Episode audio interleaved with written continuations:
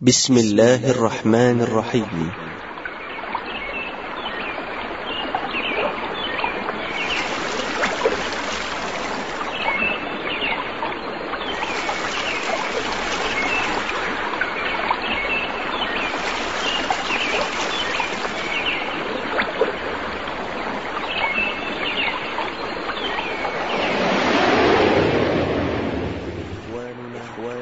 إخواننا أهل السنة في إيران. عرفت دولة إيران الإسلام منذ شروق شمسه على شبه الجزيرة العربية حين أرسل الرسول صلى الله عليه وسلم رسالة إلى كسرى فارس.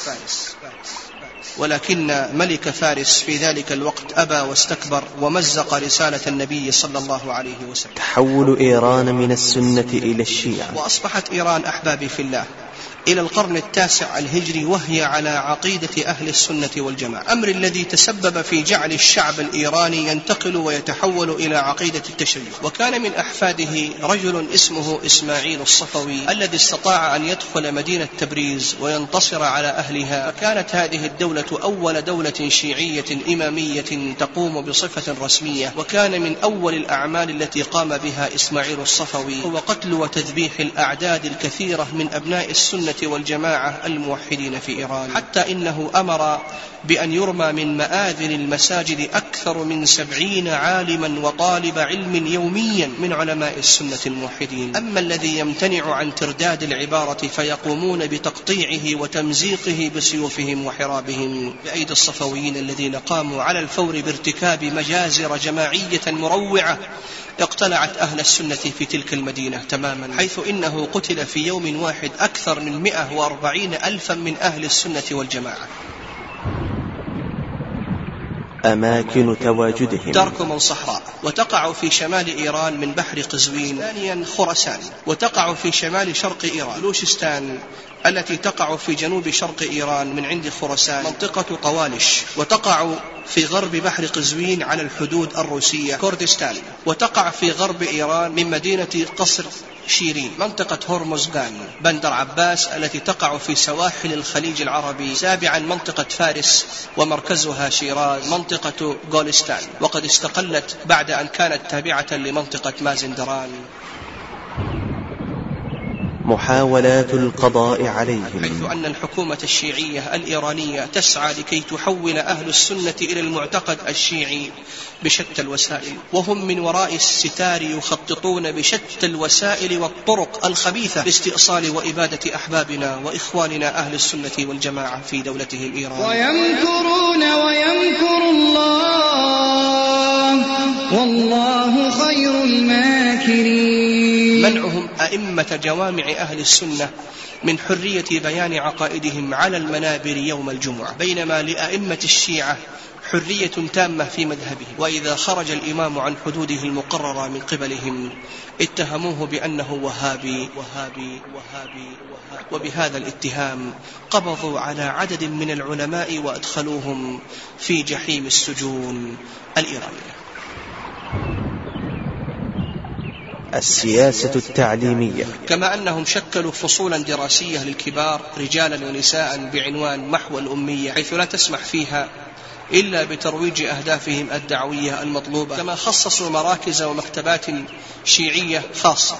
في جميع مدن أهل السنة. وأيضا قاموا بشراء بعض ذمم علماء السوء من أهل السنة وذلك بإعطائهم بعض المناصب وبناء المساكن وإجراء المرتبات الشهرية لهم. وحتى لا يبقى لأهل السنة صبغة إسلامية قامت حكومة الملالي الشيعية بتغيير أسماء المدارس التي كانت تحمل طابعا إسلاميا. فمثلا مدرسة ثانوية أبو بكر الصديق رضي الله عنه أصبحت الآن مدرسة آية الله بهشتي. ومدرسة عمر بن الخطاب رضي الله عنه أصبحت الآن مدرسة قنبر وأما أسماء أئمتهم الإثنى عشر فقد كتبت تقريبا على جدار كل مدرسة سنية. كما أنه قد صدر قرار حكومي إيراني بعدم السماح في بناء مدارس جديدة لأهل السنة والجماعة في المدن السنية. في المدن السنية. في المدن السنية. في المدن السنية. في إحدى الأعوام الماضية ألقيت أكثر من 400 محاضرة من قبل مشايخ الشيعة في مساجد السنة خلال شهر رمضان المبارك. وضعهم الاقتصادي. والسر في ذلك أن المعممين من الشيعة لا يريدون أن يتقوى أهل السنة في إيران لا عقديا ولا اقتصاديا. مخافة أن تكون لهم قوة وشوكة. وكذلك فإن الحكومة الإيرانية قد سيطرت على جميع المواد الغذائية وغيرها حيث أن كل الأشياء لا تتوفر في مكان واحد. فيقف أحدهم مثلا في الصف لشراء الزيت وآخر لشراء الخبز وثالث لشراء اللحم وهكذا يعيش الناس في محنة شديدة لا يعلمها إلا الله. وضعهم السياسي. كما اغتصبت جميع الحقوق السياسية من علماء أهل السنة عكس علماء الشيعة تماما. بل تم إلقاء القبض على أبرز شخصيات أهل السنة في إيران ممن رأوا فيهم النشاط السياسي. أما إذا تعمقنا قليلا فإن البرلمان الإيراني يقوم بحرمان أهل السنة من العضوية فيه إلا لأفراد قليلين تريدهم الحكومة الشيعية. أحوال علمائهم. فكم من علماء أفاضل ألقت عليهم الحكومة القبض بدعوى أنهم يحملون المعتقد الوهابي وبلغ الحد بهم أن هدموا إحدى المدارس بالجرافات ليلا بل بلغ الأمر بهم أنهم ألقوا القبض على الشيخ نظر محمد وهو عضو في مجلس الشورى الإيراني ولمدة سبع دقائق يتحدث بأنه كان يعمل عميلا للرئيس صدام حسين وأنه من الاستخبارات العراقية. سجون الآيات والمعممين. أما أوضاع إخواننا أهل السنة في سجون الآيات فهم في أشد حالات البؤس والحرمان. ومن أشد العذاب النفسي لإخواننا داخل معتقلات الشيعة هو أن يرى أخاه يقتل ظلما أو يرى أختا له يعتدى على عرضها وتهتك حرمتها ثم تقتل مظلومة. مظلومة. مظلومة. وكان التعذيب إخواني في الله يبلغ أقصاه حينما كانت تختلط صرخات امرأة مسكينة بضربات البنادق وهتافات الحرس الخاص وبعد ساعتين وعلى فجأة علت صرخات نساء من الزنازين المجاورة فلم يملك الإخوة أنفسهم من البكاء.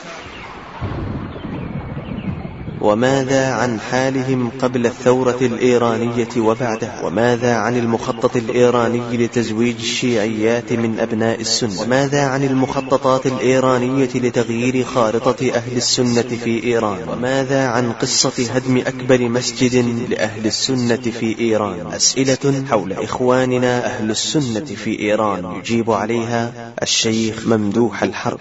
بسم الله الرحمن الرحيم. الحمد لله رب العالمين. والصلاة والسلام على أشرف الأنبياء والمرسلين نبينا وحبيبنا وقدوتنا محمد بن عبد الله صلى الله عليه وعلى آله وسلم. أما بعد إخواني في الله فأحييكم بتحية الإسلام وتحية أهل الجنة. السلام عليكم ورحمة الله وبركاته. وأسأل الله تعالى كما جمعنا في هذا المكان الطيب أن يجمعنا في الفردوس الأعلى. بجوار الحبيب الخليل محمد بن عبد الله صلى الله عليه وآله وسلم. آمين. أحبتي في الله نتكلم هذا اليوم بإذن الله تعالى عن إخواننا وأحبابنا أهل السنة في إيران. وحديثنا ذو شجون وسيكون بإذن الله تعالى تحت العناصر التالية. تحول دولة إيران من السنة إلى الشيعة. أماكن تواجد أهل السنة في إيران. أهل السنة قبل الثورة الإيرانية وبعد الثورة الإيرانية ومحاولات الشيعة الإيرانية للقضاء على أهل السنة في إيران والوضع الاقتصادي لأهل السنة في إيران ثم الوضع السياسي لأهل السنة في إيران والسياسة التعليمية التي تنتهجها إيران مع أهل السنة ثم المخطط الإيراني لتزويج الشيعيات الإيرانيات من أبناء السنة. والمخططات لتغيير خارطة أهل السنة في إيران. ثم حالة علماء السنة في إيران وسجون الآيات والمعممين وهدم أكبر مسجد لأهل السنة على يد الشيعة. ثم مقترحات تخدم إخواننا وأحبابنا من أهل السنة في إيران والخاتمة التي نسأل الله حسنها. فأقول إخواني في الله عرفت دولة إيران الإسلام منذ شروق شمسه على شبه الجزيرة العربية. حين أرسل الرسول صلى الله عليه وسلم رسالة إلى كسرى فارس يدعوه فيها إلى الدخول في الإسلام دين الله الحق الذي رضيه لعباده أجمعين. ولكن ملك فارس في ذلك الوقت أبى واستكبر ومزق رسالة النبي صلى الله عليه وسلم فكان من الخاسرين. غير أن أشعة شمس الإسلام بدأت تتجه إلى إيران. وذلك بعد وفاة الرسول صلى الله عليه وسلم عن طريق الفتح الإسلامي لهذه البلاد. وذلك في عام ثلاثة عشر للهجرة. وبالتحديد في أواخر عهد الخليفة الراشد أبي بكر الصديق رضي الله عنه واستمر هذا الفتح إلى عهد الخليفة الفاروق عمر بن الخطاب رضي الله عنه وحقق المسلمون نصرا مبينا في الموقعة المعروفة بموقعة نهواند. وذلك في عام واحد وعشرين للهجرة. بعد ذلك استكمل المسلمون فتح سائر أرجاء إيران في عهد الخليفة الراشد ذي النورين عثمان بن عفان رضي الله عنه وعن جميع أصحاب رسول الله. وأصبحت إيران أحبابي في الله إلى القرن التاسع الهجري وهي على عقيدة أهل السنة والجماعة إلى أن قامت للصفويين دولة. فيها في عام 906 للهجرة حيث أعلنوا فيها بأن المذهب الشيعي الإمامي مذهبا رسميا للدولة الصفوية. ولنا أن نسأل أحبتي في الله عن الأمر الذي تسبب في جعل الشعب الإيراني ينتقل ويتحول إلى عقيدة التشيع بعد أن كان على معتقد أهل السنة والجماعة طيلة هذه القرون المشرقة. فأقول إن إيران ولأكثر من ألف سنة كانت أرضا إسلامية. مثلها في ذلك مثل جميع الأقطار الإسلامية الأخرى. ولكن قبل حوالي أربعة قرون كانت هناك قصة مؤلمة غيرت مصير الإيرانيين جيلا بعد جيل. فبعد سقوط الدولة العباسية آخر دول الخلافة السنية كانت الصبغة السنية ظاهرة في إيران وواضحة في جميع المجتمع الإيراني. غير أن بعض القبائل التركية الساكنة في منطقة أذربيجان قد اعتنقت المذهب الشيعي الإمامي الاثنى عشري مثل قبائل القزلباشية تسمى بالقزلباشية. ومالت كذلك أي هذه القبيلة إلى التصوف. وكانت هذه القبائل تتبع فرقة صوفية تسمى الفرقة الصفوية نسبة إلى مؤسسها صفي الدين الأردبيلي وكان من أحفاده رجل اسمه إسماعيل الصفوي الذي استطاع أن يدخل مدينة تبريز وينتصر على أهلها في عام 906 للهجرة ويعلن قيام دولة جديدة سميت بالدولة الصفوية نسبة إلى جده الكبير فكانت هذه الدولة أول دولة شيعية إمامية تقوم بصفة رسمية وتبسط نفوذها على سائر الأراضي الإيرانية. وقد جلس إسماعيل الصفوي على العرش في مدينة تبريز واتخذ لقب الشاه أي الملك كما اتخذ هذه المدينة عاصمة لدولة الصفويين. وكان من أول الأعمال التي قام بها إسماعيل الصفوي بعد أن أعلن المذهب الشيعي الإمامي مذهبا رسميا للدولة الصفوية هو قتل وتذبيح الأعداد الكثيرة من أبناء السنة والجماعة الموحدين في إيران.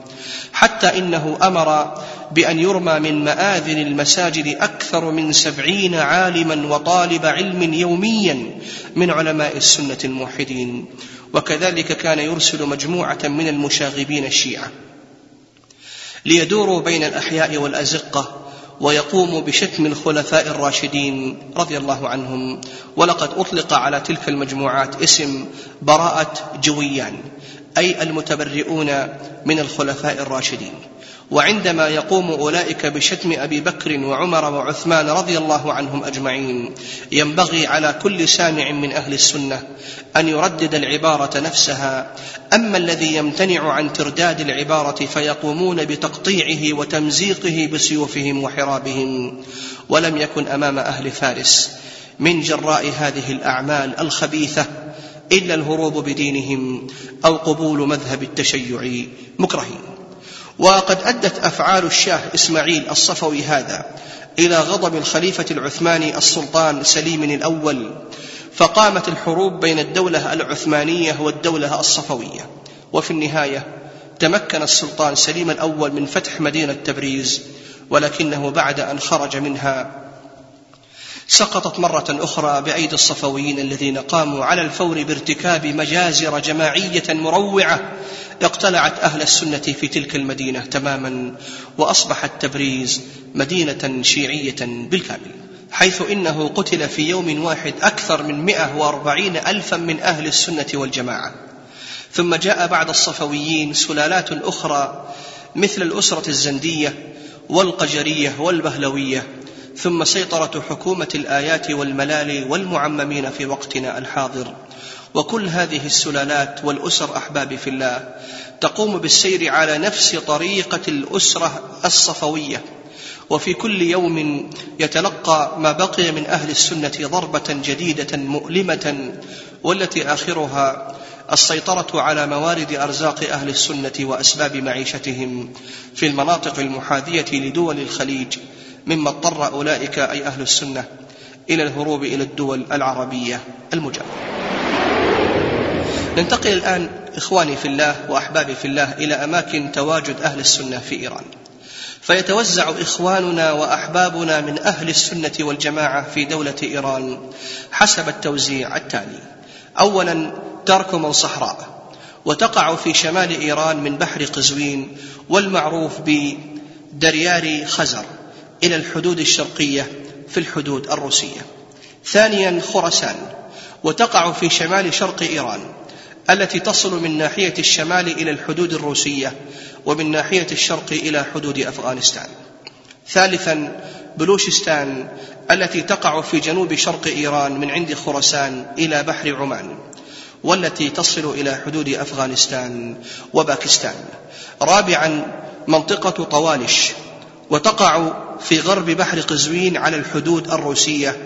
خامسا كردستان وتقع في غرب إيران من مدينة قصر شيرين إلى حدود تركيا. سادسا منطقة هرمزغان بندر عباس التي تقع في سواحل الخليج العربي وبحر عمان. سابعا منطقة فارس ومركزها شيراز. وثامنا وأخيرا منطقة غولستان. وقد استقلت بعد أن كانت تابعة لمنطقة مازندران. إذا فمناطق أهل السنة إخواني في الله كلها تقع في الحدود من جميع جوانب إيران. وذلك يوضح لنا أنهم يحاولون الهروب من إجرام الشيعة ليقتربوا من إخوانهم السنة في الدول المجاورة. وأما في داخل دولة إيران فإن الأغلبية الساحقة للشيعة الاثنى عشرية الاماميه أما عن أوضاع أهل السنة قبل الثورة الإيرانية وبعدها فلا شك أن أهل السنة في زمن شاه إيران السابق وقبل الثورة الخمينية كانوا يتمتعون بحرية البيان في عقيدتهم ومزاولة جميع النشاطات من بناء المساجد والمدارس وإلقاء المحاضرات وطباعة الكتب في خارج البلاد ولكن في نطاق المذهب. بل كان محظورا وممنوعا منعا باتا التعرض من الشيعة لمذهب السنة أو السنة للشيعة. ويذكر أن رجلا من الشيعة وزع كتابا فيه مساس بأم المؤمنين الطاهرة عائشة رضي الله عنها فمسكه بعض الغيورين من أهل السنة وضربوه ضربا موجعا ثم قبضت عليه حكومة الشاه أي شاه إيران وأدخلته السجن فمن هنا كان لأهل السنة والجماعة حرية تامة في نشر المعتقد السني وتوعية الناس وبيان التوحيد الصافي ورد الشرك الذي صار محظورا الآن في حكومة الملال والمعممين بل يعتبر الداعي إلى التوحيد الآن في إيران وهابيا يقبض عليه فورا كما أن أهل السنة كانوا يتمتعون بالأمن والأمان في أموالهم وأعراضهم ودمائهم في عهد شاه إيران وقبل الثورة الخمينية. كما كان يتمتع أهل السنة أسوة بالشيعة في الحصول على المواد الغذائية وغيرها بسهولة ويسر ودون تعب. أما بعد الثورة الخمينية فقد صارت كل هذه الموارد الغذائية بيد الحكومة والتي لا تقدمها إلا بعد الانقياد والخضوع أمامها للحصول على المواد المعيشية كلها. وما زال أحبابنا وإخواننا أهل السنة يعانون من الجور والطغيان والاعتداء على حرماتهم وممتلكاتهم ما لم يعانوا مثله في التاريخ من قبل إلا في العهد الصفوي الخبيث. ولكن مع الأسف الشديد لم يجدوا من إخوانهم ومن يشاركونهم العقيدة من يلبي نداءهم عما يعانون من الظلم والجور والجبروت والآن أحاول أن أضع أمام إخوان المسلمين بعض الحقائق الثابتة عن الظلم والاعتداء والمضايقة التي تحصل على إخوانهم أهل السنة في إيران ونوضحها في التالي. أولا محاولة القضاء على عقيدة أهل السنة في إيران. فلا شك إخواني في الله أن شيعة إيران في جميع شعاراتهم في وسائل الإعلام ينشرون بأن الشيعة والسنة متساويان وهم إخوة ومقتضى ذلك أن لأهل السنة ما للشيعة في جميع المجالات. وهذا الذي يظنه الكثير والكثير من المسلمين في جميع أنحاء العالم. بينما الأمر خلاف ذلك. حيث أن الحكومة الشيعية الإيرانية تسعى لكي تحول أهل السنة إلى المعتقد الشيعي بشتى الوسائل وذلك لأنهم يدركون بأن حرية نشر العقيدة السنية تتعارض مع بطلان عقيدة الشيعة وذلك لأن علماء الشيعة يعرفون معرفة جيدة بأن حرية نشر عقيدة أهل السنة والجماعة هو كشف للناس في العالم فساد عقيدتهم وأفكارهم ومخططاتهم ضد أهل السنة. وحتى الآن ما زال الشيعة يتكلمون في خارج إيران عن حرية أهل السنة في البيان والعقائد وأنه لا يوجد فرق بين أهل السنة والشيعة. وهذا كله دجل وهم من وراء الستار يخططون بشتى الوسائل والطرق الخبيثة لاستئصال وإبادة أحبابنا وإخواننا أهل السنة والجماعة في دولتهم إيران. وصدق الله العظيم القائل ويمكرون ويمكر الله والله خير الماكرين. ونوضح الآن إخواني في الله بعضا من دسائسهم ومكائدهم في حق إخواننا وأحبابنا من أهل السنة في إيران. اولا منعهم أئمة جوامع أهل السنة من حرية بيان عقائدهم على المنابر يوم الجمعة بينما لأئمة الشيعة حرية تامة في مذهبهم بل والتعدي حتى على عقائد أهل السنة وذلك حيث أنهم عينوا موظفين في المخابرات والمباحث فمن هنا لا يستطيع الخطيب السني الخروج عن دائرة ما يريدون. وقرروا حضور علماء الشيعة جوامع أهل السنة يوم الجمعة لإلقاء الخطب حسب ما يريدون عن سياسة الحكومة وعقائد الشيعة. وليس لأهل السنة إلا إلقاء الخطب العامة التي لا مساس لها بالعقيدة. وإذا خرج الإمام عن حدوده المقرره من قبلهم اتهموه بأنه وهابي ويريد نشر الوهابية. وبهذا الاتهام قبضوا على عدد من العلماء وأدخلوهم في جحيم السجون الإيرانية. كذلك قاموا باعتقال أفاضل العلماء البارزين من أهل السنة والجماعة ومنهم الشيخ العلامة أحمد مفتي زادة وهو من محافظة كردستان. وذلك لجريمة مطالبته بحقوق أهل السنة المهضومة هناك في إيران. والشيخ الدكتور أحمد ميرين البلوشي لكونه أنهى دراسته من المرحلة الابتدائية إلى مرحلة الدكتوراه في الجامعة الإسلامية بالمدينة المنورة باسم أنه وهابي ينشر فكر الوهابية. ولما لوحظ من قبله النشاط في الدعوة وبيان للعقيدة الصحيحة السنية اعتقل في أشد السجون الشيعية وقبل فترة حكموا عليه بالسجن المؤبد مدى الحياة ثم قتلوه بعد خروجه من السجن. وكذلك من شيوخ السنة الذين اعتقلتهم الحكومة الإيرانية الشيخ محي الدين من عاصمة خراسان.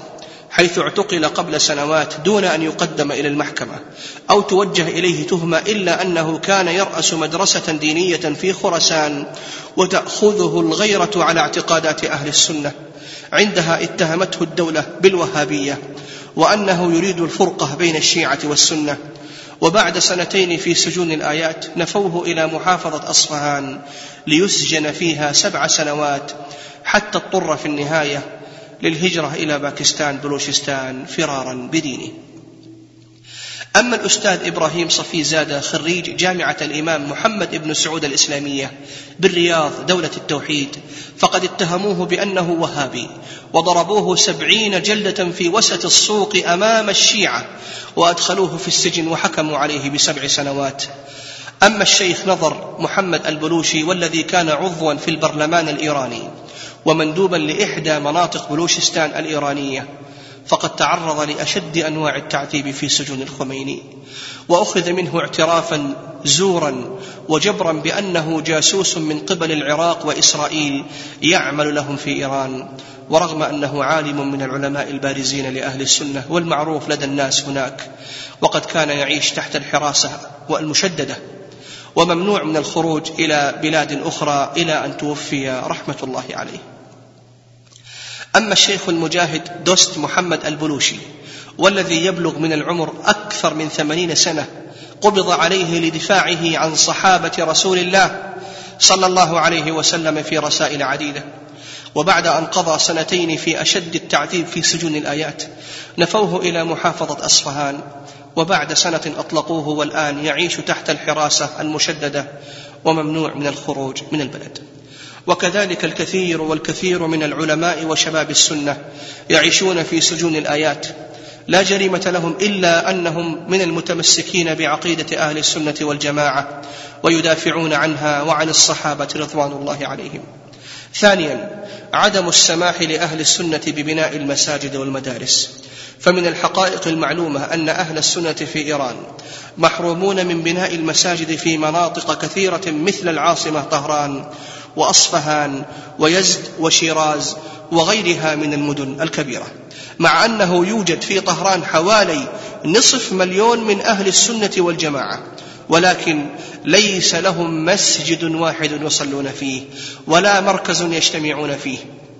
بينما يوجد العديد من الكنائس وبيع اليهود ومعابد للهندوس والسيخ والمجوس عباد النار.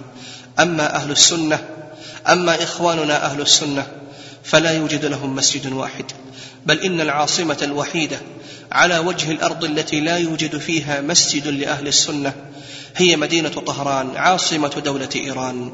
وهم بالعكس يبنون لهم مساجد ومراكز ومدارس وحسينيات في مناطق أهل السنة في إيران. ثالثا هدم المساجد والمدارس السنية حيث وصل الأمر بشيعة إيران إلى هدم المساجد والمدارس الخاصة بأهل السنة في بعض المدن.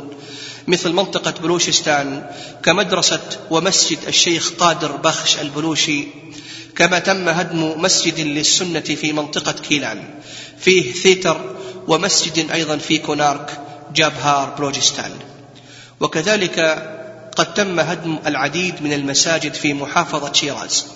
وكل هذا بتهم مختلفة إما أنه مسجد ضرار أو بني بغير إذن من الحكومة أو أن إمام المسجد يحمل العقيدة الوهابية أو أن الحكومة أمرت بتوسيع الشوارع فقامت بهدم مساجد أهل السنة فقط وكل هذه الأمور إخواني في الله تقوي شوكة الشيعة وتضعف من معنويات إخواننا من أهل السنة في إيران ولا حول ولا قوة إلا بالله. رابعا تخصص جميع وسائل الإعلام الإيرانية لنشر المذهب والمعتقد الشيعي حيث إن كل الإمكانات مسخرة لعلماء الشيعة يستغلونها كما يريدون. وأما أهل السنة فليس لهم في ذلك أي حظ. فعلى سبيل المثال في منطقة بلوشستان ليس لأهل السنة برامج في الإذاعة من 24 ساعة إلا ساعة واحدة. والمفروض أن هذه الساعة تكون لنشر الأفكار والعقائد السنية بينما مع الأسف الشديد تستغل للمدح والثناء على الحكومة وزعمائها ومللها. وأما في خراسان فليس لأهل السنة أي برنامج في الإذاعة مع أن الحكومة الإيرانية قررت للمهاجرين الشيعة من الأفغان الهزارى ساعتين مخصصة لهم باللغتين الفارسية والبشت أما أهل السنة ومع الأسف محرومون من هذا كليا.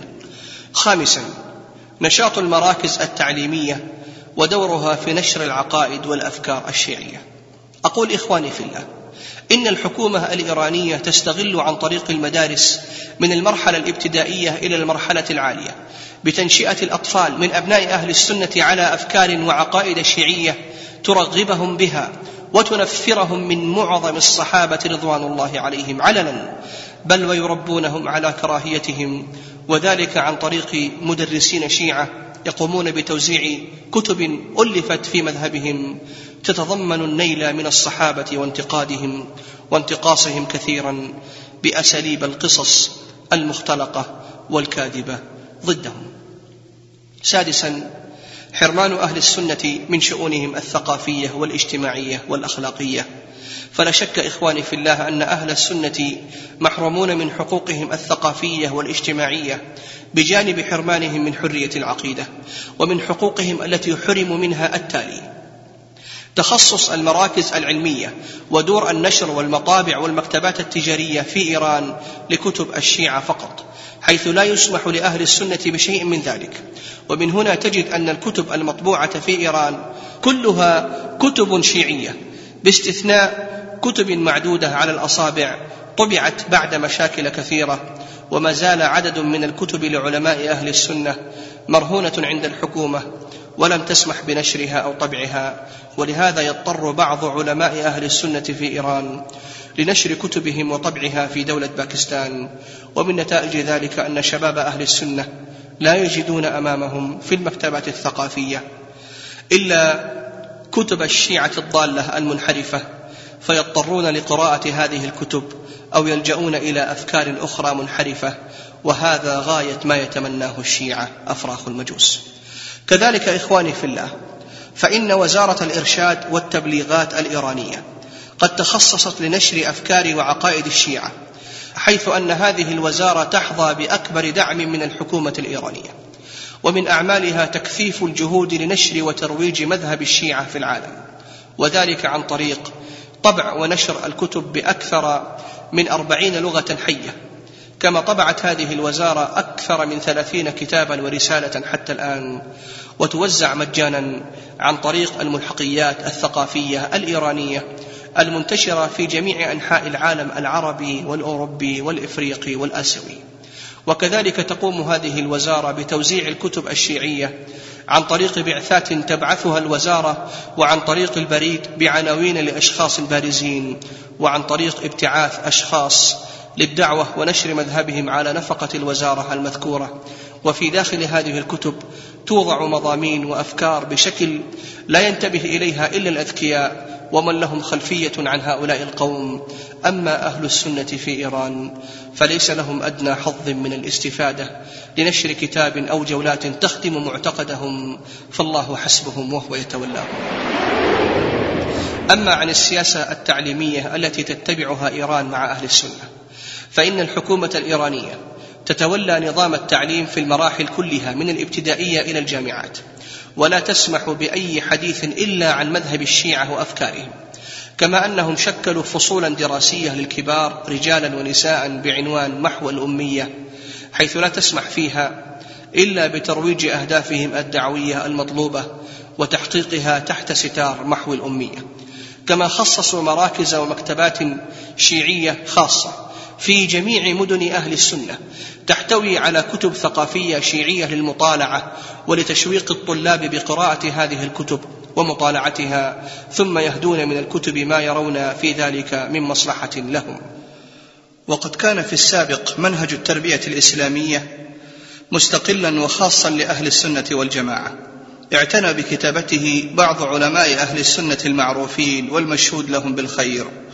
عند ذلك قامت الحكومة على توحيد المنهج بحيث يدرس الجميع منهجا دراسيا واحدا تبث فيه عقائد الشيعة. ولما رأت الحكومة عدم إقبال طلاب السنة على دراسة هذا المنهج الموحد أعادوا لأهل السنة كتابا خاصا بهم باسم وثيرة أهل السنة أي خاص بأهل السنة. وقد كتب على يد علماء الشيعة وكتب على غلاف الكتاب هذه الجملة اطلع على الكتاب مولوي محمد إسحاق مدني مستشار وزير التربية لشؤون أهل السنة والجماعة. وذلك ليوهموا أبناء السنة أن الذي وضع هذا الكتاب هو عالم من علماء السنة وقد ألف هذا الكتاب بطريقة تنفر أهل السنة عن مذهبهم بل وفيه دعوة غير مباشرة إلى التشيع. وأيضا قاموا بشراء بعض ذمم علماء السوء من أهل السنة. وذلك بإعطائهم بعض المناصب وبناء المساكن وإجراء المرتبات الشهرية لهم. ومن المحاضرات التي كان يلقيها هذا النوع من العلماء محاضرة لأحدهم كانت بعنوان واعتصموا بحبل الله جميعا ولا تفرقوا بين في هذه المحاضرة أن الخلاف بين السنة والشيعة خلاف سطحي. ثم يقول وإننا نؤمن أن ما يقولونه أي الشيعة حق وأن القول بولاية الفقيه قول حق.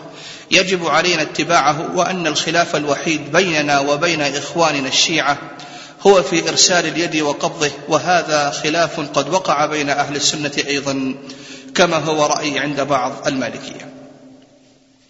وحتى لا يبقى لأهل السنة صبغة إسلامية قامت حكومة الملالي الشيعية. بتغيير أسماء المدارس التي كانت تحمل طابعا إسلاميا حيث غيروها إلى أسماء أخرى. فمثلا مدرسة ثانوية أبو بكر الصديق رضي الله عنه أصبحت الآن مدرسة آية الله بهشتين ومدرسة عمر بن الخطاب رضي الله عنه أصبحت الآن مدرسة قنبر. وأما المدارس والمساجد التي بناها المسلمون في مناطق السنة بعد الانقلاب فقد قاموا بتسميتها على حسب ما يرون من الأسماء كآية الله طالقاني وآية الله الخميني وأحيانا يسمون ببعض أسماء الصحابة وهم فقط أبو ذر الغفاري وسلمان الفارسي وعلي بن أبي طالب والحسن والحسين رضوان الله عليهم أجمعين. بل إنهم قاموا بتغيير أسماء كثير من المدن والقرى إلى أسماء شيعية. وأما أسماء أئمتهم الإثنى عشر فقد كتبت تقريبا على جدار كل مدرسة سنية وعلى جدران بيوتهم ومحلاتهم بل على الأوراق الحكومية الحديثة كشهادات الميلاد وصكوك الأراضي والمستندات الرسمية ورخص القيادة وفهارس الهواتف. كما أن الشيعة يقومون بتنظيم رحلات في العطلة الصيفية للنابغين من طلاب أهل السنة والجماعة إلى منطقة مازندران. أو إلى أماكن أخرى تحت إشراف وتوجيه علماء الشيعة الذين يقومون بتلقينهم وتدريسهم طيلة هذه الفترة ثم يرجعون مصطحبين معهم بعض الكتب والهدايا. كما أنه قد صدر قرار حكومي ايراني بعدم السماح في بناء مدارس جديدة لأهل السنة والجماعة في المدن السنية مع إقرار العمل في المدارس الإسلامية القديمة. كما أن جهاز الكميتة جهاز يسمى الكميتة وهو جيش جديد أنشئ في الآونة الأخيرة ومؤسسه رفسنجاني يقومون دائما بزيارات إلى المدارس الإسلامية السنية للاطلاع على أحوال الدراسة والمنهج المقرر فهم يحاولون إدخال بعض كتبهم ضمن مناهج المدارس الإسلامية السنية. كذلك فإن لجهاز الباس داران وجهاز الساندازكي رحلات للقرى يقومون خلالها بجمع شباب هذه القرى من أبناء السنة في مكان معين ويحضرون لهم جهاز الفيديو والتلفاز مع مكينه للكهرباء ليطلعوهم على بعض الأفلام المسلية ثم يلقون عليهم محاضرة دينية بهدف التأثير عليهم. وبعد هذه المحاضرة يقومون بتوزيع البسكويت والحلوى على الحاضرين. وهكذا يتنقلون من قرية إلى قرية وفق برنامج مرسوم ومدروس. وهل تعلم أخي الحبيب في إحدى الأعوام الماضية ألقيت أكثر من أربعمائة محاضرة من قبل مشايخ الشيعة في مساجد السنة خلال شهر رمضان المبارك؟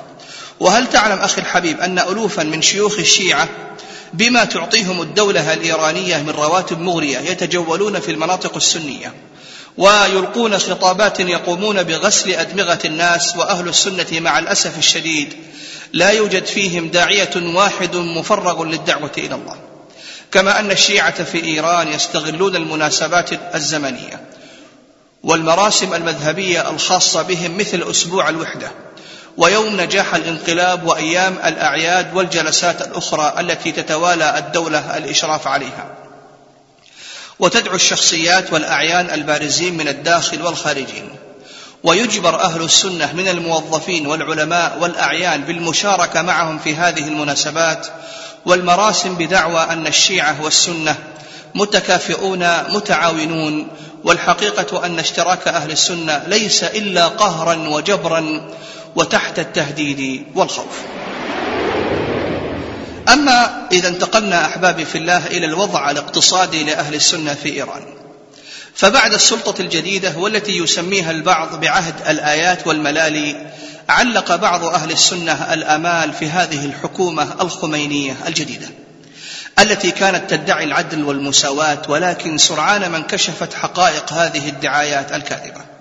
وخابت آمال الكثير من أبناء السنة هناك بل رجعوا إلى أسوأ مما كانوا في عهد شاه إيران. والسر في ذلك أن المعممين من الشيعة لا يريدون أن يتقوى أهل السنة في إيران لا عقديا ولا اقتصاديا مخافة أن تكون لهم قوة وشوكة.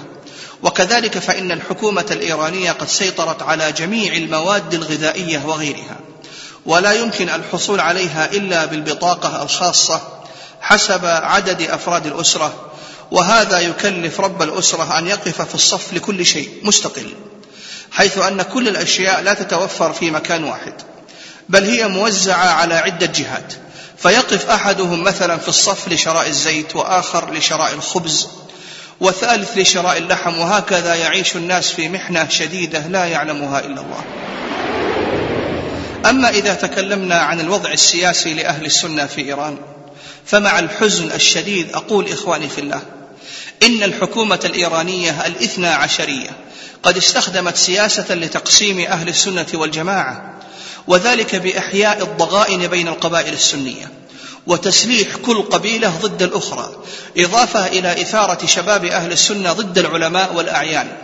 ثم توجهت الحكومة بعد ذلك إلى رمي التهم لشباب أهل السنة مما اضطر عدد كبير منهم إلى الهرب واللجوء إلى دولة باكستان ومن ثم إلى دول أوروبا. كما اغتصبت جميع الحقوق السياسية من علماء أهل السنة عكس علماء الشيعة تماما.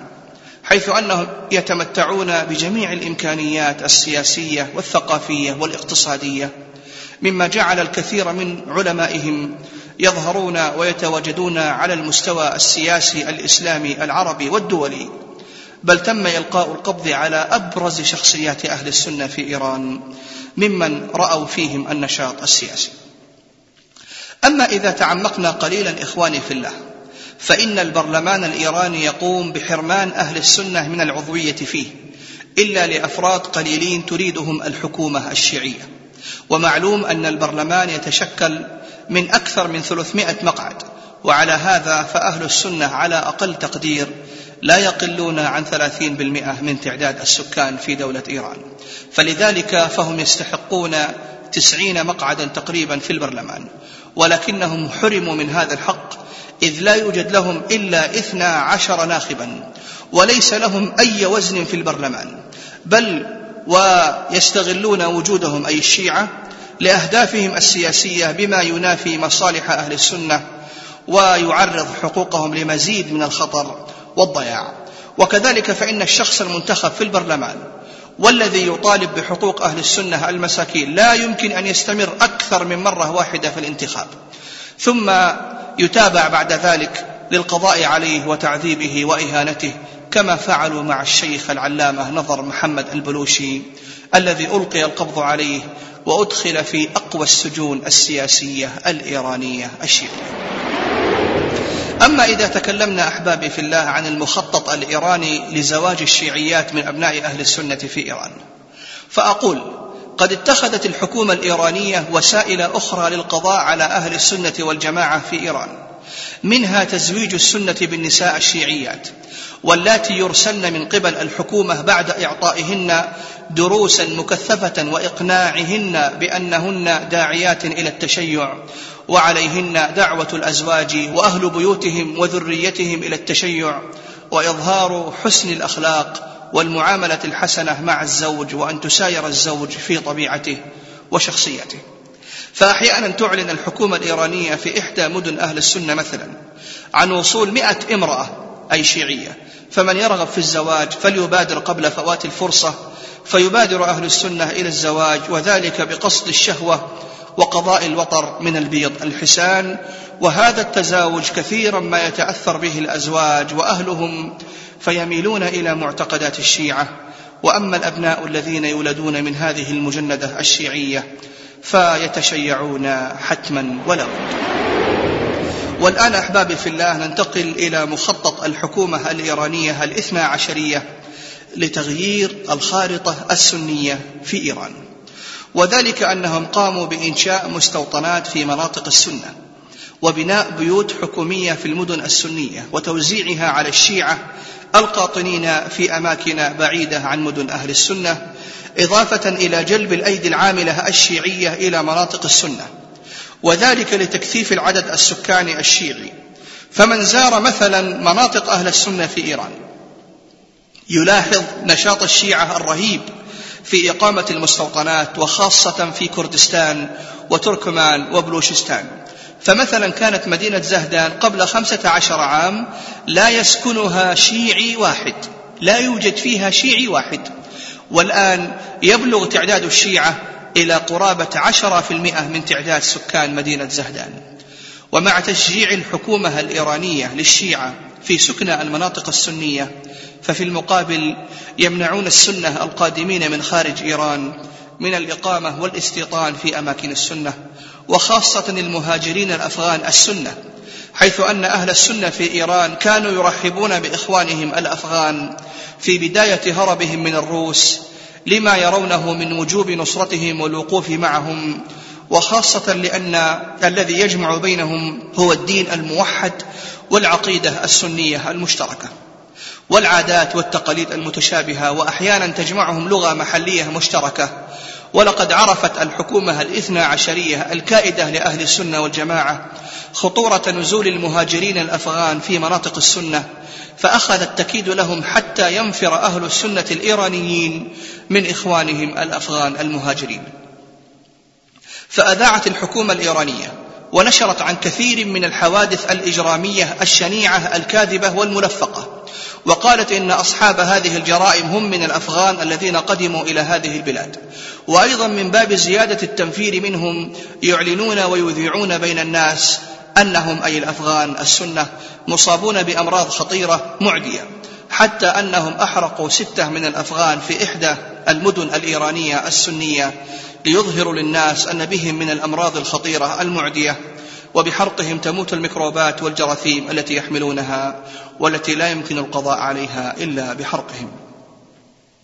أقول إخواني في الله ومع كثرة هذه الدعايات الشيعية الكاذبة أصبح أهل السنة في إيران ينفرون من إخوانهم الأفغان السنة نفورا شديدا ويبلغون عنهم إذا رأوهم في قراهم أو مدنهم أو يحاولون طردهم من بلادهم وفي المقابل نجد أن الشيعة الأفغان الذين هم من قبيلة الهازارة يصولون ويجولون في إيران وفي المدن الشيعية دون أية مضايقات بل إن أكثر أماكن المتعة في المدن الإيرانية لا يتزاحم عليها إلا شيعة الأفغان الهزارة أما عن علماء أهل السنة في تلك البلاد إخواني في الله فكم من علماء أفاضل ألقت عليهم الحكومة القبض بدعوى أنهم يحملون المعتقد الوهابي.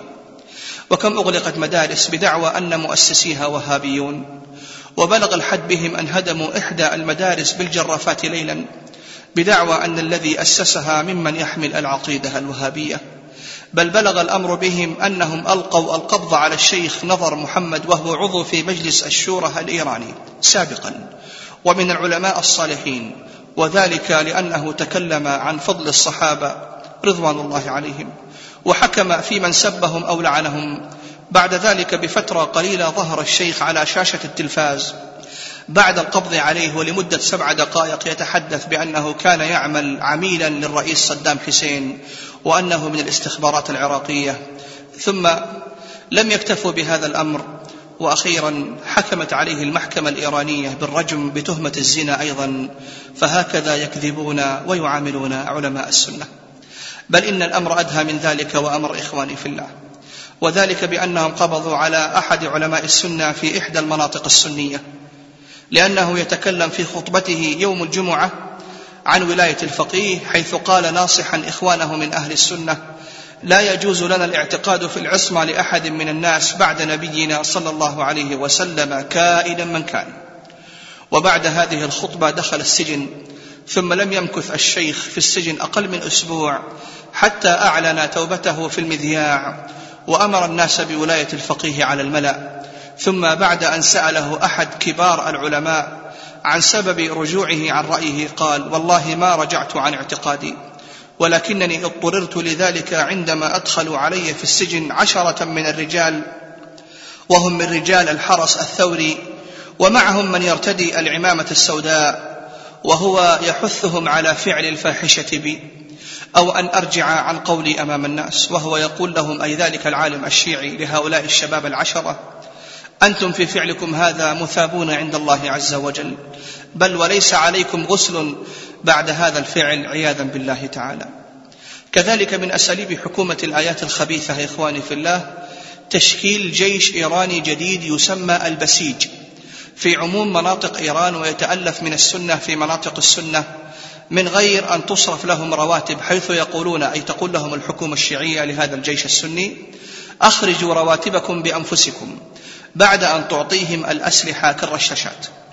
ومن أجل أن يحصل هذا الجيش على رواتبهم يضعون الحواجز على الطرق في مناطق أهل السنة ثم يوقفون السيارات والمارين ويطلبون من أصحاب السيارات غرامات مالية. وبسبب هذا الجيش كم من حوادث قتل حدثت بين أبناء أهل السنة. بل إن البسيج أصبحوا يتقاتلون فيما بينهم على مرأى من الحكومة. فعلى سبيل المثال عند إحدى محطات البنزين التقى بسيج قرية مع بسيج قرية أخرى. وبسبب خلاف وقع بينهما لم ينتهي هذا الخلاف إلا وفي المحطة أكثر من إثنى عشر قتيلا من المسلمين من هذا الجيش. وبعد هذه الحادثة المروعة قام بعض أهل العلم والحكمة من علماء السنة بتوضيح الأمر للناس وبينوا قصد الحكومة من إنشاء هذا البسيج أي هذا الجيش في مناطق السنة.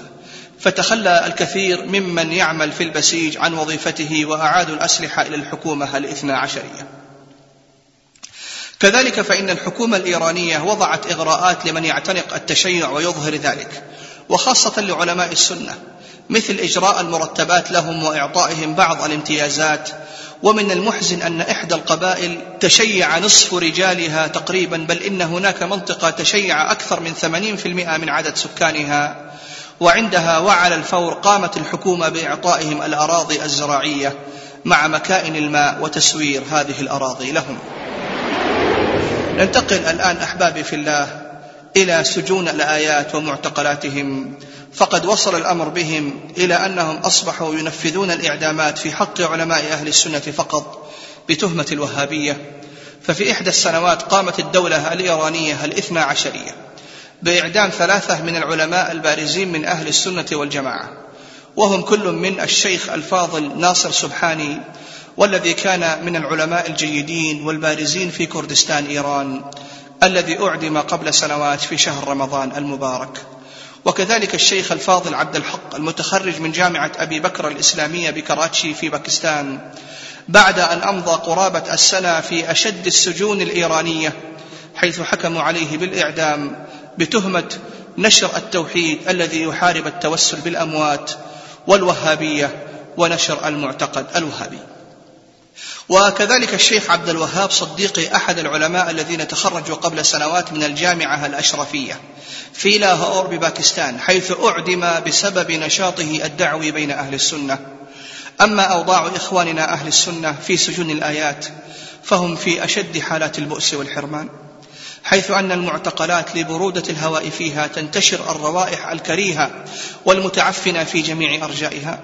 مما أدى إلى إصابة الكثير منهم بأمراض مزمنة. كذلك لم يكن يؤذن للمعتقلين برؤية الشمس فضلا عن التمتع بحرارتها حيث كانوا يعصبون الأعين حين الخروج لقضاء الحاجة ولم يكونوا يسمحون بالخروج لقضاء الحاجة والتوضؤ إلا أربع مرات في اليوم والليلة فقط.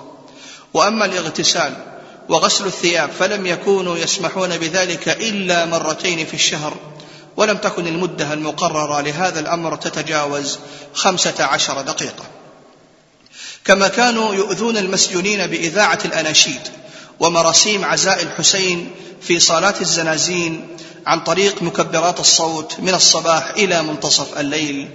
ومن الأساليب التي كانوا يستخدمونها للتعذيب النفسي الإتيان بالأخبار الكاذبة المحزنة وإخراج البعض من الزنزانة ليلا.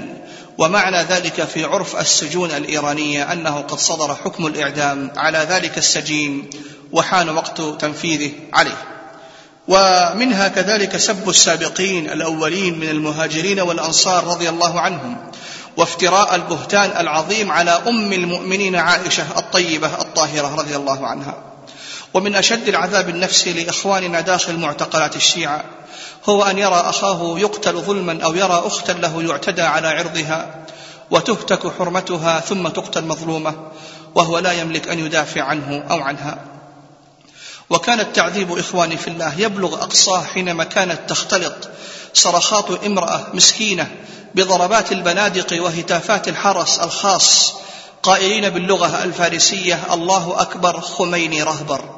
يعني الله أكبر الخميني زعيم ومعنى رهبر أي زعيم أي أو قائد. ويذكر لنا ممن نحبهم في الله أنه في إحدى الليالي انطفأت المصابيح داخل المعتقل. في حوالي الساعة العاشرة والنصف فقال الإخوة نقضي الوقت بإنشاد الأشعار الدينية إلى أن يعود الكهرباء. وبعد ساعتين وعلى فجأة علت صرخات نساء من الزنازين المجاورة فلم يملك الإخوة أنفسهم من البكاء لأنهم لم يكونوا يستطيعون إنقاذ أولئك المسكينات من أيدي أولئك الذئاب المفترسة. فلما أصبحنا سألنا رجلا كان يأتينا عن سبب هذه الأصوات فقال لقد رأيت أسوأ من هذا بكثير والسبب أن الحرس الشيعة المتواجدون في داخل السجن يعتقدون أنه لا يجوز إعدام الفتيات الابكار فإذا أرادوا أن يعدموا بكرا عقد عليها لأحد الحراس عقد متعة وبعد الاعتداء عليها يعدمونها. ومن المآسي إخواني في الله التي تحصل في حق المسلمين في داخل سجون الآيات والمعممين أن رجلا عمره حوالي الستين سنة تقريبا ضرب بالأسلاك القوية ألف وثمانمائة ضربة على ظهره وقدميه وكان يحمل معه في خرقة قطاعات من لحم أقدامه التي تناثرت من ضربات الأسلاك. ومع ذلك فإن الرجل كان يقول إن أشد ما يؤلمني أنهم دعوني مرة وقالوا إما أن تعترف وإما أن نعذب امرأتك. فقد أتينا بها وهي الآن في الغرفة المجاورة. وعند ذلك سمعت صراخ امرأة من تلك الغرفة فاستسلمت لهم خوفا على امرأتي وقلت لهم اكتبوا ما تشاءون لأوقع عليه على أن تخلوا سبيل امرأتي. ولكن بعد ذلك سألت امرأتي عن الأمر عند مجيئها لزيارتي فنفذ ذلك فعلمت أن المرأة لم تكن امرأتي وعملهم هذا كان احتيالا لأخذ الاعتراف مني. ثم إنه بلغ التعذيب من هذا الرجل المسكين أن أخذ كمية من النورة فبلعها محاولا الانتحار ولكن لم يشأ الله له أن يموت. ويروي أحد المعتقلين بعد خروجه من سجون الآيات قائلا أنه كان هناك رجلا كانوا قد ضربوه بالأسلاك خمسا وأربعين يوما متتابعة كل يوم مئتين إلى ثلاثمائة جلدة. وفي إحدى الليالي استيقظنا من النوم حوالي الساعة الثانية والنصف مساء. فإذا بحريق وقع في غرفتنا وإذا بهذا الرجل قد لف نفسه في بطانية وصب عليها النفط وأحرق نفسه وإذا به يلفظ أنفاسه الأخيرة وهو يقول بصوت هامس طوبى لي طوبى لي طوبى لي نجوت منهم. فحاولنا أن نطفئ الحريق فلم نستطع. واضطررنا أن نلقي بأنفسنا من النافذة. فبادرنا الحراس بإطلاق النار علينا. ظنين أننا نريد الفرار. فلما علموا بالأمر توجهوا إلى الزنزانة. وكان الرجل قد مات فألقوه من النافذة وأخذوا يشتمونه ويهينونه. وأصدروا الأمر بحجز أمواله لأنه كان قد اعتدى على بيت المال. وذلك لإحراقه البطانية. انتهى. كما وصف الطالبة عمرها ستة وعشرون عاما تم احتجازها في سجن إيوين وهو من أشرس السجون الإيرانية. أول مرة تعرضت لها فيها للضرب. فقالت عصبوا عيني وأمروني بالاستلقاء على الأرض وبدأ أحدهم بضرب أخمص قدمي بسلك ثقيل كنت ألبس جوارب ولكن الضربة الأولى كانت من الألم بحيث قفزت واقفة وبدأت أجري حول الغرفة. وبعد ذلك قيدوا يدي خلف ظهري وربطوا رجلي بعد إزالة جواربي وغطوا رأسي ببطانية ثم انهالوا علي بالضرب على ظهري وأقدامي. لا أدري إلى متى استمر الضرب إلا أنني تظاهرت بالإغماء من شدة الألم. فما كان منهم إلا أن زادوا ضربي قسوة متهمينني بمحاولة خداعهم. وعندما كفوا عن ضربي في النهاية كان الدم يسيل بغزارة من قدمي وخاصة حول الأظافر. عندها قالوا بأنهم ذاهبون لتناول الغداء وتركوني جالسا على كرسي ولكنني لم أكن قادرا على الاستقرار عليه من شدة خوفي وارتجافي. ولما ذهبت إلى المرحاض كان هناك دم مختلط ببولي وبعد عودتهم استأذنتهم بالاستلقاء. على الأرض من شدة ألمي ولكنهم لم يسمحوا لي بذلك. انتهى كلامها من تقرير منظمة العفو الدولية. ننتقل الآن أحبابي في الله إلى قصة هدم مسجد من مساجد أهل السنة في إيران حيث قامت السلطات الإيرانية الإثنى عشرية بهدم المسجد المسمى بفيض الخاص بأهل السنة في مدينة مشهد الإيرانية والهجوم المسلح وإراقة دماء المصلين في مسجد المكي أكبر مسجد جامع لأهل السنة في زهدان عاصمة بلوشستان الإيرانية واحتلال المسجد والمدرسة الدينية التابعة له من قبل الحرس الثوري الإيراني والمخابرات الإيرانية. ويعود سبب ذلك إخواني في الله إلى فراغ إيران من الحرب الخارجية من جهة أي مع العراق وعدم تحملها لأهل السنة في المدن الإيرانية ومنها مدينة مشهد إضافة إلى حشود المصلين الذين كانوا يملؤون المسجد عند أداء الفرائض في كل مكان. بالمقارنة بعدد المصلين الشيعة الذين لا يعدون صلاة الجمعة فرضا عينيا وذلك بسبب غيبة الإمام المنتظر بزعمهم. هذا من جانب ومن جانب آخر وجود هذا المسجد لأهل السنة في قلب مدينة مشهد. وقرب مزار الإمام الرضا إضافة إلى وجوده بالقرب من بيت والد خامئني مرشد الثورة الحالي وإحاطة المسجد بجيران في غاية التعصب الاثنى عشري حيث أصبح المسجد مركز تجمع لأهل السنة حيث يلتقون لأداء الصلاة فيه لذا غيرت الحكومة قبل سنة واحدة خط سير الطائرات الذاهبة إلى الحج والتي كانت تحمل حجاج السنة من بلوشستان وخراسان من مشهد إلى كرمان كي لا يجتمع أهل السنة في مسجدهم في مشهد. كل هذا جعل الدولة الإيرانية تفكر في هدم المسجد. عندها اقترحت المخابرات الإيرانية أن تدفع مبلغا من المال. يأخذه أهل السنة مقابل هذا المسجد. ولكن علماء السنة أفتوا بأن تبديل المسجد أو بيعه غير جائز. وعلى الفور صادرت المخابرات الإيرانية الاثنى عشرية تلك الفتوى. بعد ذلك اقترحت الحكومة الإيرانية أن يعطوا لأهل السنة أرضا في أطراف مدينة مشهد مقابل أن يتخلى أهل السنة عن مسجدهم فلم يلقى أيضا هذا العرض قبولا من هيئة أمناء المسجد ومن علماء السنة في بلوشستان وخراسان.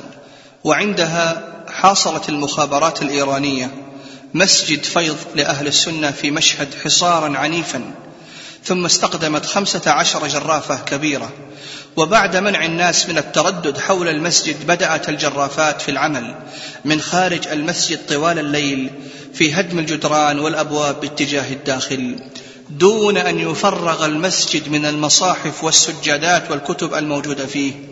واقتيد إلى السجن كل من كان في المسجد غير من قتل تحت الجرافات. حيث انتشر هذا الخبر المؤلم كالصاعقة في المناطق السنية. وتفجر حزن أهل السنة حيث كانوا يبكون في كل مكان. وبدأوا بإغلاق محلاتهم التجارية في بعض المدن السنية. وبخاصة في مدينة زهدان عاصمة بلوشستان الإيرانية. وقد كان الناس يلقى بعضهم بعضا بوجوه حزينة وبغيظ مكظوم فإنا لله وإنا إليه راجعون. وأخيرا أحبابي في الله أقدم بعض المقترحات التي تخدم إخواننا أهل السنة في إيران ومنها أولا معالجة الفقر في المناطق السنية سواء في كردستان أو في بلوشستان أو تركمان صحراء أو بندر عباس. ولا تكون تلك المساعدات بتاتا بتوزيع المال مجانا بل بإيجاد مصانع ومعامل تكون بإشراف أيادي مؤمنة أمينة من أبناء المنطقة. ليتوفر العمل والرزق الحلال لعموم أهل السنة في تلك البلاد. مما يمنحهم الاستقلال النفسي والمادي ويكون بنفس الوقت مصدرا غنيا لصاحب رأس المال أي التاجر الذي شارك في هذا الخير من خارج البلاد وأعان إخوانه هناك. ثانيا إيجاد الإعلام اللازم باللغة الفارسية وذلك عن طريق الإذاعات والقنوات الخاصة بأهل السنة خارج إيران. حيث يجب أن تغطي هذه الإذاعة دولة إيران بل ويجب أن تغطي كل من الهند وباكستان مرورا بأفغانستان والجمهوريات المسلمة في آسيا الوسطى حيث يتكلم في هذه البلاد الملايين من المسلمين باللغة الفارسية. ثالثا ترجمة كتب العقيدة إلى اللغة الفارسية مثل كتب شيخ الإسلام ابن تيمية وكتب أئمة الدعوة النجدية وعلى رأسهم الإمام محمد بن عبد الوهاب وتلاميذه رحمة الله عليهم.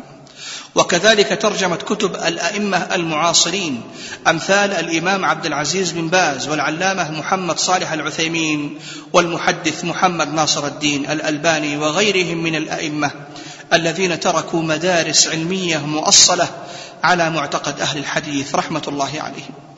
رابعا تخصيص دعاة من أبناء المنطقة.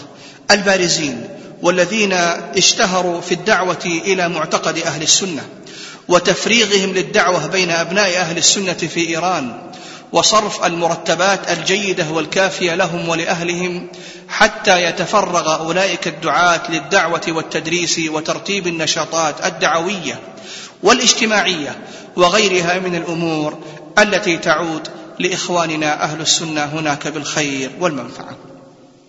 خامسا دعوة علماء أهل السنة في إيران واستضافتهم وذلك بدعوتهم إلى المؤتمرات الإسلامية المنعقدة في بلاد أهل السنة في جميع أنحاء العالم من قبل الجهات الحكومية الرسمية كرابطة العالم الإسلامي أو المجمعات الفقهية أو وزارات الشؤون الإسلامية والأوقاف والدعوة والإرشاد وهذا الأمر يرفع معنويات العلماء والشيوخ من إخواننا حيث يولد لهم شعورا بالتواصل والتقارب بينهم وبين إخوانهم من أهل السنة في جميع أرجاء الأرض. سادسا تخصيص منح دراسية وهي ما تسمى بكفالة طالب العلم للطلاب الذين يدرسون داخل المناطق السنية الإيرانية حيث أن طلاب أهل السنة في أكبر مدرسة دينية وهي التي بناها الشيخ عبد العزيز رحمه الله في زهدان لا يجدون الفطور حتى أنه بلغ بهم الأمر أنهم لا يأكلون إلا مرتين يوميا فقط. سابعا وهذا أمر مهم مشاركة مكتبات ودور النشر من دول الخليج وخاصة دور النشر الموجودة في بلاد التوحيد المملكة العربية السعودية في معرض الكتاب الدولي الذي ينعقد في طهران في كل عام. وهذا يفيد أهل السنة كثيرا حيث من خلاله تشترى كتب التوحيد وكتب السنة النقية الصافية وهو والله من أعظم الجهاد والقربات إلى الله تعالى. ثامنا تخصيص دروس في العقيدة في الحرمين الشريفين في موسم الحج وغيره من المواسم باللغة الفارسية وهذا مهم جدا لأن كثيرا من الشيعة أنفسهم في إيران كرهوا هذا المذهب الشيعي واشمأزوا منه ولكنهم لا يجدون البديل. فهذه الدروس مفيدة ونافعة بإذن الله تعالى. تاسعا وهذا أمر مهم جدا ألا وهو طبع كتب العلماء الذين خرجوا من التشيع وتحولوا من التشيع وأصبحوا من أهل السنة ثم ألفوا ردودا على مذهبهم السابق. كآية الله البرقعي زميل الخميني الذي ألف كتبا مهمة ردا على التشيع. ونشر هذه الكتب أحبابي في الله باللغتين الفارسية بين الحجاج الإيرانيين والعربية بين الشيعة العرب إضافة إلى نشر تسجيلاته أي تسجيلات ذلك الإمام البرقعي في تفسير القرآن حيث يرد فيها رحمه الله على أهل الخرافة والشيعة ردودا قيمة. عاشرا زيارة علماء السنة وبعض طلاب العلم من الدول المجاورة لإيران لإخوانهم وأحبابهم العلماء في إيران والتعرف على أحوالهم والقيام بزيارات ميدانية مركزة ودراسة أوضاع المدارس والمساجد الخاصة بإخواننا هناك في إيران. مما ينتج عنه الشعور بالجسد الواحد الذي أوصانا به رسول الله صلى الله عليه وآله وسلم. ننتقل الآن أحبابي في الله إلى الخاتمة التي نسأل الله حسنها فأقول. وأسفاه فإن للنصارى دولتهم التي تدافع عنهم وتناصرهم وتؤازرهم وللشيوعيين دولتهم ولليهود دولتهم وللشيعة دولتهم أما أبناء السنة هناك فلا بواكي لهم. وهذه هي أحوال وأوضاع إخواننا المسلمين هناك. وها قد وصلت أصواتهم المخنوقة بالعبرات وآهاتهم الحارة ومآسيهم وهمومهم التي استمرت عبر السنين. ونحن في غفلة عنهم. ولا أقول إلا اللهم إني أبرأ إليك مما فعل هؤلاء وأعتذر إليك مما صنع هؤلاء ولا عذر بعد العلم إخواني في الله. اللهم انصر المستضعفين من أهل السنة في إيران. اللهم انصر المستضعفين من أهل السنة في إيران. اللهم انصر المستضعفين من أهل السنة في إيران. اللهم احفظ نساءهم وأبناءهم ودينهم وأعراضهم وأموالهم ومدارسهم ومساجدهم من كيد الحاقدين الخبثاء. اللهم علق قلوبهم بكتابك. اللهم علق قلوبهم بكتابك وبسنة نبيك صلى الله عليه وسلم. اللهم احفظ أهل السنة في كل مكان فإنهم غرباء. اللهم احفظ أهل السنة في كل مكان فإنهم غرباء. اللهم احفظ أهل السنة في كل مكان فإنهم غرباء. اللهم وانصر المجاهدين في سبيلك في كل مكان. اللهم عليك باليهود والشيعة والنصارى والهندوس والعلمانيين والشيوعيين والصوفية. وكل فرق الضلال الذين تحزبوا على الموحدين القائمين بدينك يا عزيز يا قهار. اللهم وفق ولاة أمورنا من العلماء والأمراء. لينصروا أهل السنة في كل مكان. اللهم ارفع سيف الحق بيد الأمراء ليدفعوا الظلم والشرك عن البلاد والعباد. اللهم واجمع الأمة خلف العلماء الأولياء. اللهم أيدهم بتأييدك ويسر لهم البطانة الناصحة الأمينة. واصرف عنهم كيد الأشرار وخبث الفجار. اللهم احفظ البلاد والعباد من كل بدعة وشرك ومنكر. اللهم هل بلغت؟ اللهم فاشهد. اللهم هل بلغت؟ اللهم فاشهد. اللهم هل بلغت؟ اللهم فاشهد. هذا وإلى لقاء قادم بإذن الله تعالى مع مخططات الشيعة السرية. وصلى الله على نبينا وحبيبنا محمد بن عبد الله وعلى آله وصحبه وسلم. والحمد لله رب العالمين.